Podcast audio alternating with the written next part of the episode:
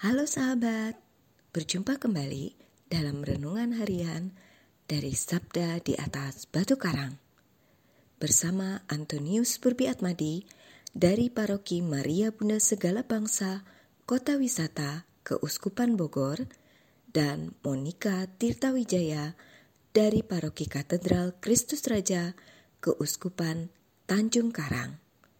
Hari ini, Selasa, 24 Januari merupakan hari biasa pekan ketiga.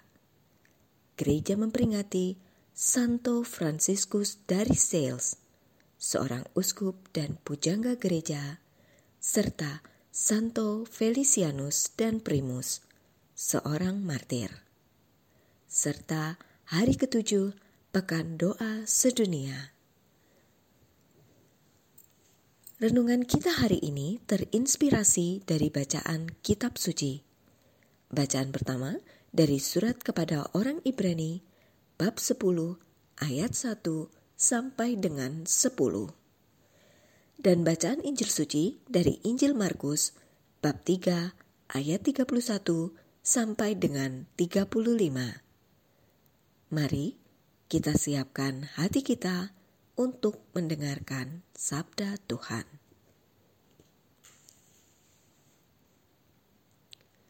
Sekali peristiwa, datanglah ibu dan saudara-saudara Yesus ke tempat ia sedang mengajar. Mereka berdiri di luar, lalu menyuruh orang memanggil Yesus.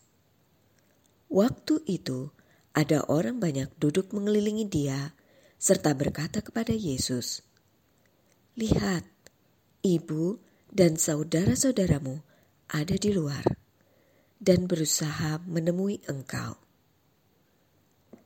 Jawab Yesus kepada mereka, "Siapa ibuku? Siapa saudara-saudaraku?" Yesus memandang orang-orang yang duduk di sekeliling dia, lalu berkata, "Ini ibuku dan saudara-saudaraku."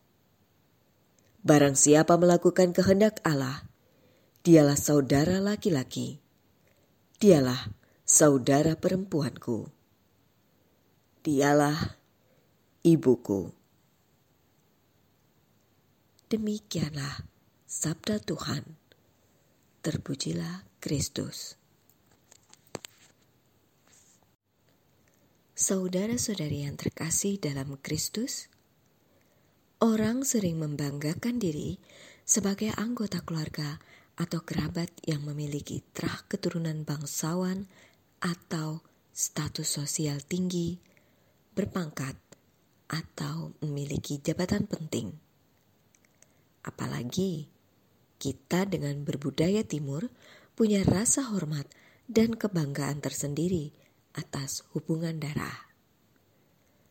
Dalam bacaan Injil pada hari ini, Yesus menegaskan tentang garis kekerabatan bukan atas dasar keturunan atau hubungan darah. Meski hubungan keluarga itu penting, tetapi tidak membuat para pengikutnya secara otomatis mengenal dirinya. Jika mau menjadi saudara-saudari atau ibunya, maka setiap orang harus menerima dirinya mampu melaksanakan kehendak Allah. Saudara-saudari yang terkasih, kita telah menerima sakramen baptis, sehingga kita pun menjadi anggota gerejanya melalui sabda Tuhan hari ini. Kita diingatkan kembali untuk tetap menjadi anggota keluarganya.